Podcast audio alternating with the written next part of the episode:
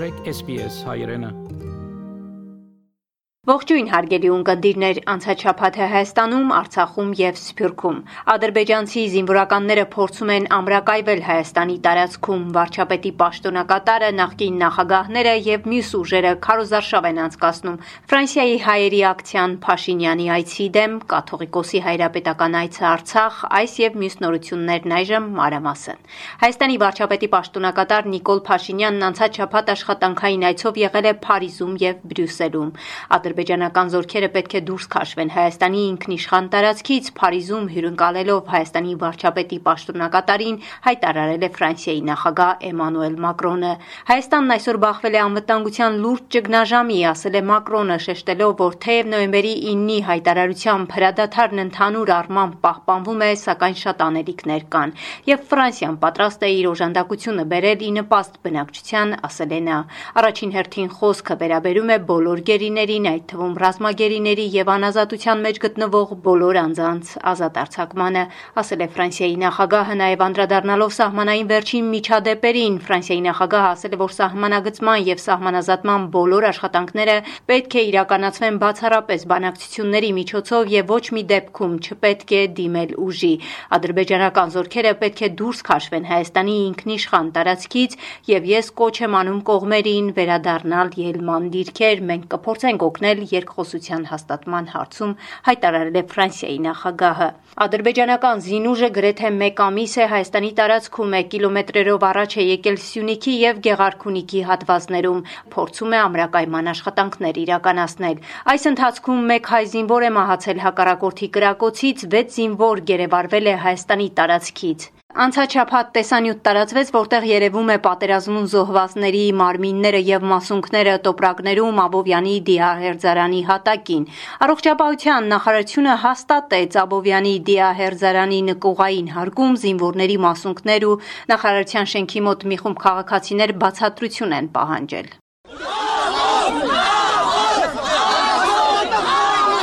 Նախարարի պաշտոնակատար Անահիտ Ավանեսյանը ներողություն է խնդրել անհետ կորած զինվորների հարազատներից, նշելով. Ես ներողություն եմ խնդրել եւ դրանից հետո նաեւ որոշակի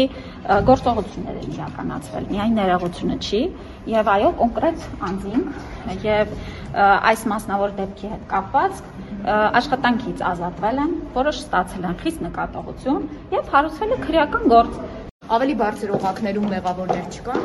Նորից եմ կրկնում, ընթանում է քննություն։ Քննությունը կպարզի այլ հանգամանքներ, ըստ այդմ կլինի նաև պատասխանատվության այլ դեպքեր։ Հայաստանում քաղաքական ուժերը քարոզարշավ են անցկացնում հունիսի 20-ին սպասվող արտահերթ խորհրդարանական ընտրություններից առաջ։ Վարչապետի պաշտոնակատարը իր քարոզարշավներից մեկում Արարատի մարզում եղել է երկրորդ նախագահ Ռոբերտ Քոչարյանի առյուծի վրա նստած նկարով, ասելով, թե այս մարդը ասում է երկրի ղեկավարների պաշտոնին հավակնողը պետք է հոգեբուժական փորձակնություն անցնի։ Եվ դա ասում է այս մարդը Ասում է այս մարդը, որը մասնագիտացածա սատկած առյուծ քշելու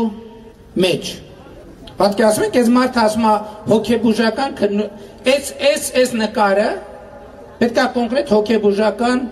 փորձակնության ենթարկել հասկանալու համար ինչա նշանակում սատկած առյուծ քշել։ Ռոբերտ Քոչարյանն անդրադարձել է առյուծի վրա նկարի պատմությանը, ասելով. Առյուծի նկարը չէ 20 տարիա թե 10 տարիա բանի մեջ են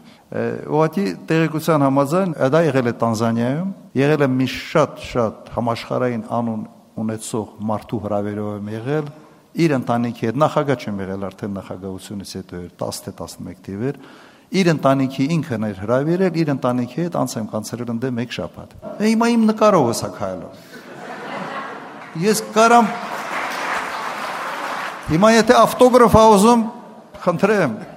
Карам, карам макагрем. Ամսի 21-ին, դες ավտոգրաֆով, այնց իկոնայի պես, չէ, սենց այդ որ բանը բռնաս, իկոնայի պես գնում գալիս է։ Առաջին նախագահ Լևոն Տեր-Պետրոսյանը նույնպես խոսել է առյուծի պատմության մասին։ Իսպանիայի թակավորը գահընկեց արվեց, որովհետև Աֆրիկայում փիղ էր սպանել։ Ահա թե ինչ չափանիշներ են գործում մեզ մոտ եւ քաղաքագիրտ աշխարհում, ասել է առաջին նախագահը, նշելով, որ այս ընտրությունները լինելու են Հայաստանի պատմության ամենախայտարակ, ամենավտանգավոր ընտրությունները։ Սրանք սովորական ընտրություններ չեն։ Շատ պայթյունաբտանգ իրավիճակ է Հայաստանում եւ առայժմ իմ կանխազգացմամբ այս ընտրությունները լինելու են Հայաստանի պատմության ամենախայտարակ ամենավտանգավոր ընտրությունները Տեր-Պետրոսյանը եւս մեկ անգամ հիշեցրել է, որ ստեղծված վիճակում փրկությունը ընդդիմության միավորումն էր։ Նա ավելի վաղ առաջարկել էր Սերժ Սարգսյանին եւ Ռոբերտ Քոչարյանին միավորվել մի դաշինքում, սակայն վերջիններս հրաժարվել էին։ Հիմա ըստ Տեր-Պետրոսյանի ճակատամարտ է լինելու, կարող է իրավիճակն անկառավարելի դառնալ Հայաստանում, իսկ թե ինչու է մերժել Փաշինյանի հրավերը բանավիճելու, ասել է. Ես մերժեցի Փաշինյանին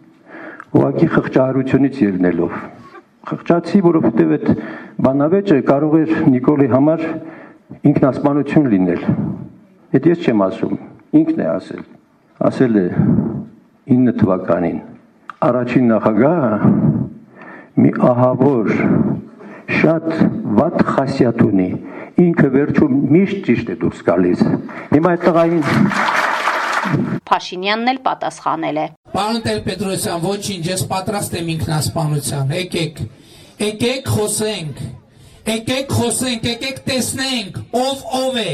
ով ինչ է արել, ով ինչից ինչքան է հասկանում, ով ինչի պատասխանատուն է եւ ով ինչ պատասխանատվություն է պատրաստ վերցնել։ Արցախ. Անցաչափած ամենայն հայց կաթողիկոս Գարեգին II-ը հայրապետական այցով Արցախում էր։ Ստեփանակերտի Սուրբ Աստվածածին առաջնորդանիստ տաճարում ամենայն հայց կաթողիկոսի հանդիսապետությամբ կատարվել է հայրապետական մաղթանքի արարողություն Արցախի խաղաղության եւ անվտանգության հավատավոր ժողովրդի ապահով եւ բարոր կյանքի համար։ Գարեգին II-ը եղել է նաեւ ամարասում ու Գանձասարում։ Արցախի նախագահ Արայիկ Հարությունյանը կաթողիկոսի հետ հանդիպմանն ասել է, որ հետ պատերազմյան այս ժամանակաշրջանում վեհապարի այցն ավելի քան կարևոր է։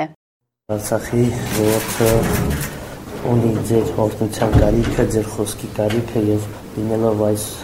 երկու օրվա ընթացքում Ամարասում եւ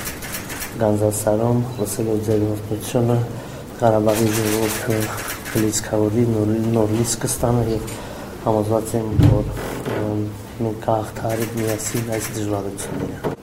Կարեգին երկրորդը նշել է հոգևոր մխիթարություն է Արցախում գտնվելը, այն հնարավորություն է աղոթելու մեր դարավոր եկեղեցիներում Արցախի ժողովրդին զորացնելու ավետարանի խոսքով։ Մեր եկեղեցին պիտի շարունակի իր աջակցությունն ու զորակցությունը ըստ ամենայնի բերել Արցախի հավատավոր մեր զավակներին։ Ձեզ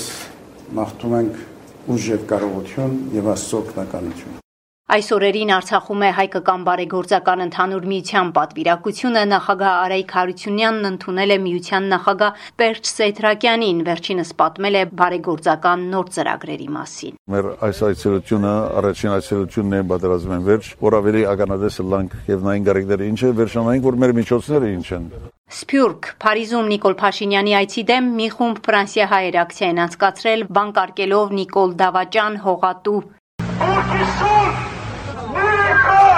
Նիկոլ Դավաճան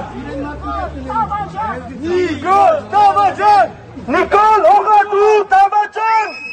Պատասխան ես տալու Նիկոլ